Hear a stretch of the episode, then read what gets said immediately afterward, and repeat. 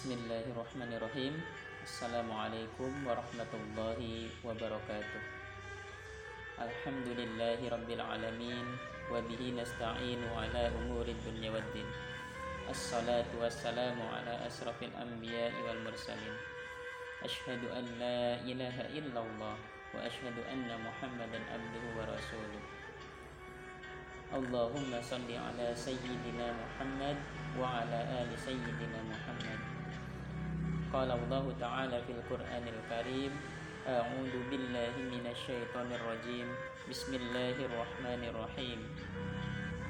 Wa tazawwadu fa inna khairaz zadi taqwa. Sadaqallahul adzim. Amma ba'du.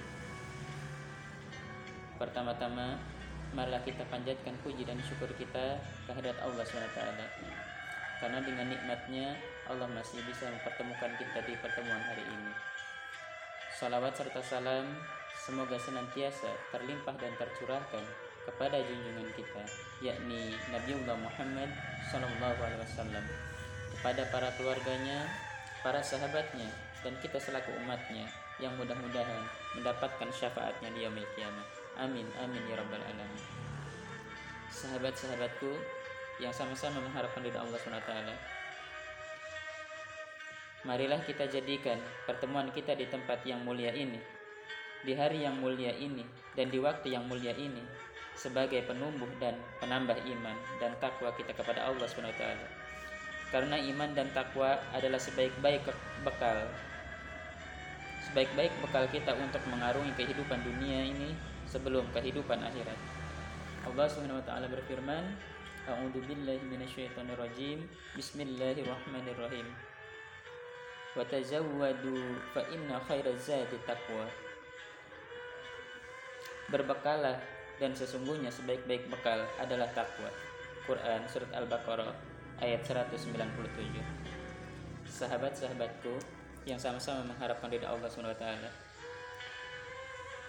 Sudah menjadi ketentuan dalam kehidupan bahwa kita sebagai makhluk diberikan dua potensi oleh Sang Khalik, yaitu potensi fujur atau kecenderungan berbuat maksiat dan dosa dan potensi takwa. Dua keniscayaan yang sangat berpengaruh terhadap gerak dan langkah kita. Terhina dalam kubangan dosa karena fujur yang terpelihara di dalam diri kita atau kebahagiaan yang tiada tara dan tiada hingga karena takwa yang senantiasa terjaga dalam jiwa. Begitulah manusia dengan fitrahnya. Potensi yang terdapat pada diri seseorang hamba itulah yang kemudian berkembang dari hari ke hari. Mulai dari perkembangan pada individu maupun perkembangan secara sosial. Bersyukurlah kita apabila yang berkembang dalam diri setiap individu adalah ketakwaan yang akan berpengaruh positif bagi kehidupan kita. Dan sebaliknya, hanya kepada Allah Subhanahu wa taala kita mampu berlindung ketika yang berkembang pada diri setiap individu adalah sifat fujur yang akan tampak melalui kemaksiatan-kemaksiatan yang menodai kehidupan kita.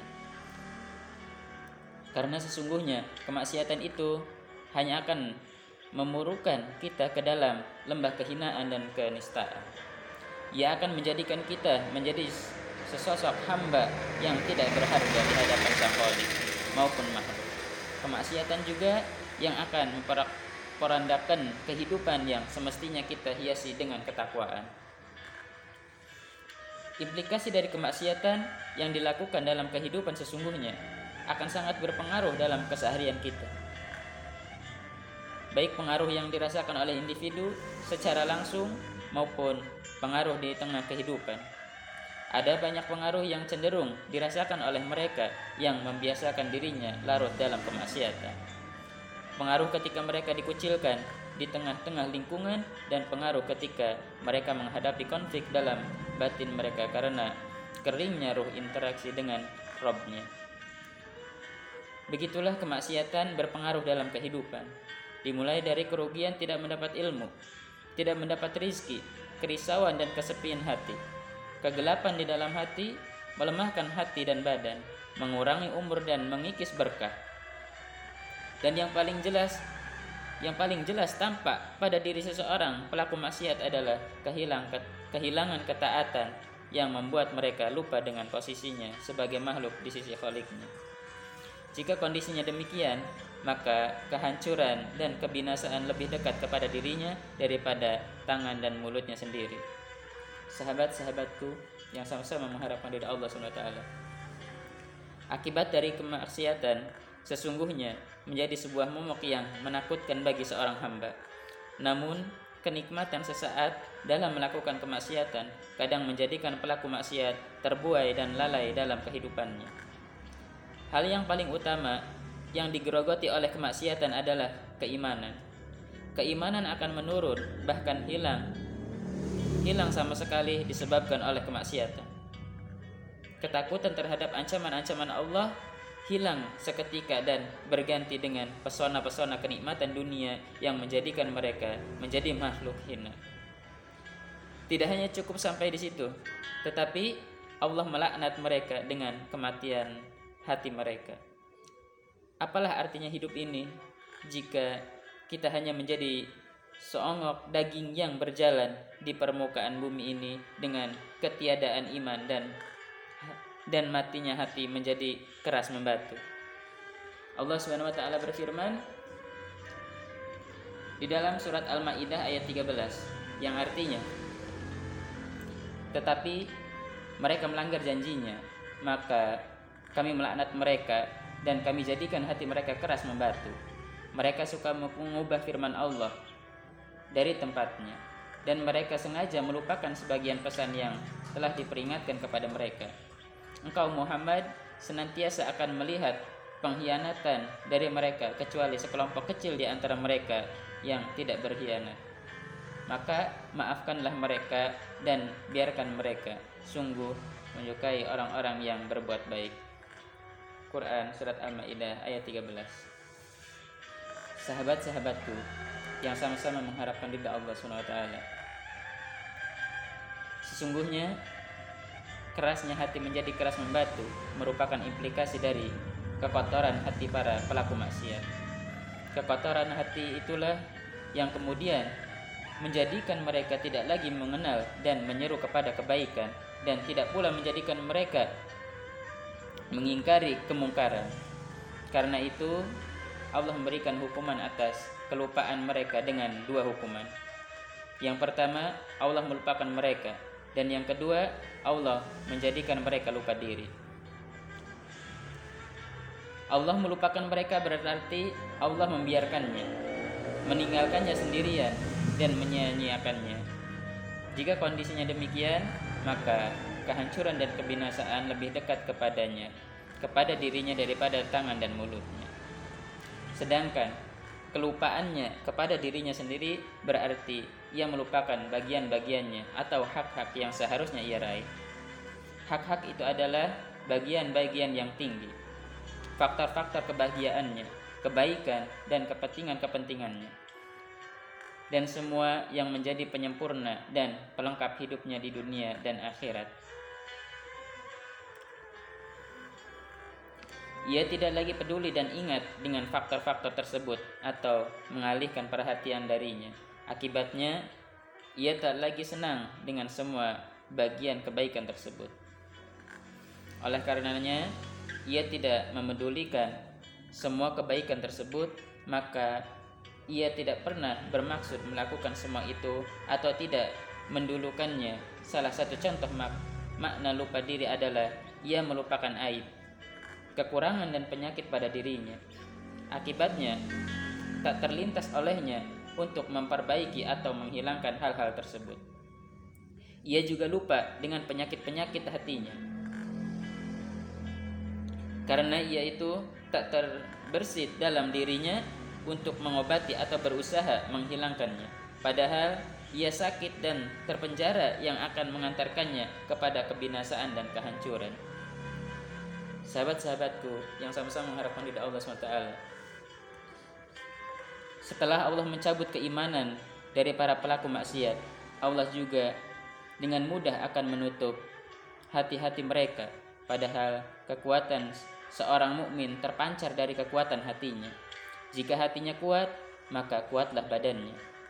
Tapi bagi pelaku maksiat, Meskipun badannya kuat, sesungguhnya dia sangat lemah jika kekuatan itu sedang dia butuhkan. Sehingga kekuatan pada dirinya sering menipu dirinya sendiri. Lihatlah bagaimana kekuatan fisik dan hati kaum muslimin yang telah mengalahkan kekuatan fisik bangsa Persia dan Romawi.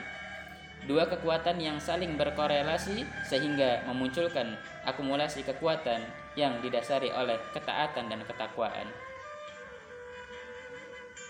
Selain dari melemahkan hati dari kebaikan, tertutupnya hati seorang hamba juga sebaliknya akan menguatkan kehendak untuk berbuat maksiat yang lain. Karena sesungguhnya kemaksiatan itu tak ubah seperti sebuah mainan baru yang menarik dan asik bagi anak-anak dan menjadi kebiasaan yang mengasihkan bagi para pelakunya. Merasa enak melakukan sebuah perbuatan maksiat sehingga terpancing untuk melakukan kemaksiatan yang lain hingga terakumulasi dalam sebuah kebiasaan yang tak tertinggalkan. Dan pada akhirnya menjadi pemutus keinginan untuk bertaubat. Inilah yang akan menjadi penyakit hati yang paling besar.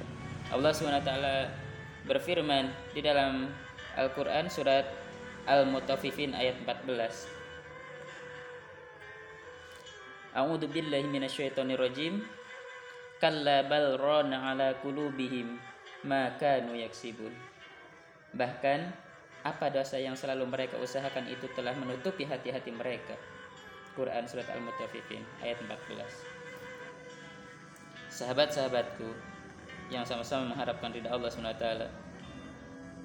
ada kerugian yang tidak kalah pentingnya diperhatikan oleh seorang pelaku maksiat yakni tercabutnya ilmu dan hilangnya hafalan atau ingatan kepada pengetahuan. Ilmu adalah cahaya yang dipancarkan ke dalam hati. Namun, kemaksiatan dalam hati dapat menghalangi dan memadamkan cahaya tersebut. Ketika Imam Malik melihat kecerdasan dan daya hafal Imam Syafi'i yang luar biasa, beliau Imam Malik berkata, "Aku melihat Allah telah menyiratkan dan memberikan cahaya di hatimu." Wahai anakku, janganlah engkau padamkan cahaya itu dengan maksiat. Begitulah pesan agung sang imam kepada muridnya. Pesan yang menyiratkan makna kekhawatiran yang mendalam terhadap pengaruh maksiat. Terhadap pengaruh maksiat kepada ilmu pengetahuan. Pesan yang mengingatkan kita kepada ayat Allah. Allah SWT berfirman di dalam Al-Quran surat Toha ayat 127 124 sampai di 127 yang artinya dan barang siapa yang berpaling dari peringatanku maka sesungguhnya dia akan menjalani kehidupan yang sempit dan kami akan mengumpulkannya pada hari kiamat dalam keadaan buta. Dia berkata ya Tuhanku mengapa engkau kumpulkan aku dalam keadaan buta padahal dahulu aku dapat melihat? Allah berfirman demikianlah dahulu telah datang kepadamu ayat-ayat kami dan kamu mengabaikannya. Jadi begitu pula pada hari ini kamu diabaikan. Dan demikianlah kami membalas orang-orang yang melampaui batas dan tidak percaya kepada ayat-ayat Tuhannya. Sungguh azab di akhirat itu lebih berat dan lebih kekal. Quran surat Toha ayat 124 sampai 127. Demikianlah Allah Maha teliti dengan kemaksiatan yang kita lakukan dan dengan apa yang telah dikaruniakannya kepada makhluknya. Tiada keraguan di sisi Allah untuk mencabut kembali apa yang telah diberikan kepada hamba-hambanya. Ketika sang hamba tidak lagi taat kepadanya namun justru bermaksiat kepadanya.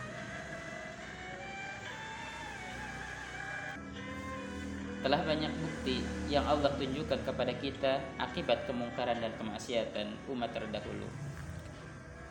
Pada Allah Allah Subhanahu wa taala kehancuran dan kebinasaan menjadi harga mati atas hukuman Allah kepada mereka. Maka sesungguhnya tiada mustahil bagi kita di zaman sekarang ini mendapat ancaman serupa dari Allah atas kemaksiatan yang dilakukan umat pada hari ini.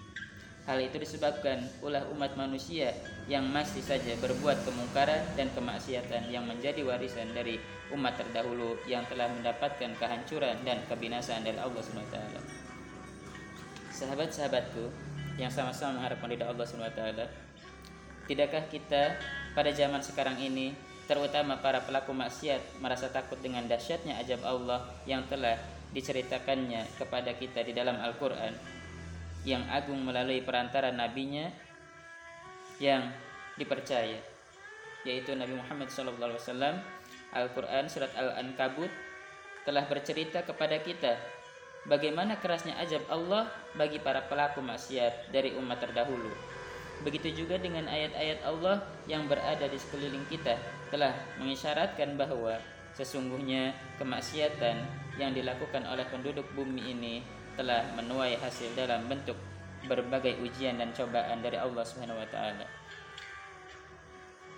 Sahabat-sahabatku yang sama-sama mengharapkan ridha Allah Subhanahu wa taala, Allah SWT berfirman di dalam surat Quran surat Al-Ankabut ayat 38 sampai 40 yang artinya juga ingatlah kaum Ad dan Samud sungguh telah nyata bagi kamu kehancuran mereka dari puing-puing tempat tinggal mereka setan telah menjadikan terasa indah bagi mereka perbuatan buruk mereka sehingga menghalangi mereka dari jalan Allah sedangkan mereka adalah orang-orang yang berpandangan tajam. Dan ingat pula Korun, Fir'aun dan Haman, sesungguhnya telah datang kepada mereka Musa dengan membawa keterangan-keterangan yang nyata. Namun mereka berbuat kesombongan di atas bumi dan tiadalah mereka orang-orang yang luput dari kehancuran itu. Maka masing-masing mereka itu kami siksa kami siksa disebabkan dosanya maka di antara mereka ada yang kami timpakan kepadanya hujan batu kerikil dan di antara mereka ada yang ditimpa suara keras yang mengguntur. Dan di antara mereka ada yang kami benamkan ke dalam bumi dan di antara mereka ada yang kami tenggelamkan. Dan Allah sekali-kali tidak hendak menganiaya mereka, akan tetapi merekalah yang menganiaya diri mereka sendiri. Quran Surat Al-Ankabut ayat 38 sampai 40 sahabat-sahabatku yang sama-sama mengharapkan ridha Allah SWT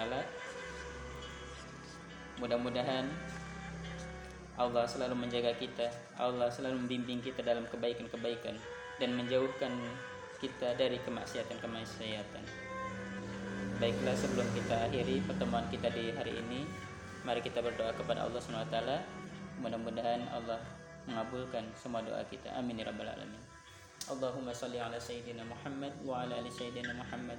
Allahumma fir lana dunubana wal walidina warhamhuma kama rabbayani saghira wa li jami'il muslimin wal muslimat wal mu'minin wal mu'minat al ahya'i minhum wal amwat. Allahumma inna nas'aluka salamatan fid din وعافية في الجسد وزيادة في العلم وبركة في الرزق وتوبة قبل الموت ورحمة عند الموت ومغفرة بعد الموت اللهم هون علينا في شكرة الموت والنجاة من النار والعفو إن الحساب ربنا آتنا في الدنيا حسنة وفي الآخرة حسنة وقنا عذاب النار والحمد لله رب العالمين Sahabat-sahabatku, sebelum kita akhiri pertemuan kita di hari ini, mari kita tutup dengan doa kifaratul majlis. Subhanakallahumma bihamdika asyhadu an la ilaha illa anta astaghfiruka wa atubu ilaik. Assalamualaikum warahmatullahi wabarakatuh.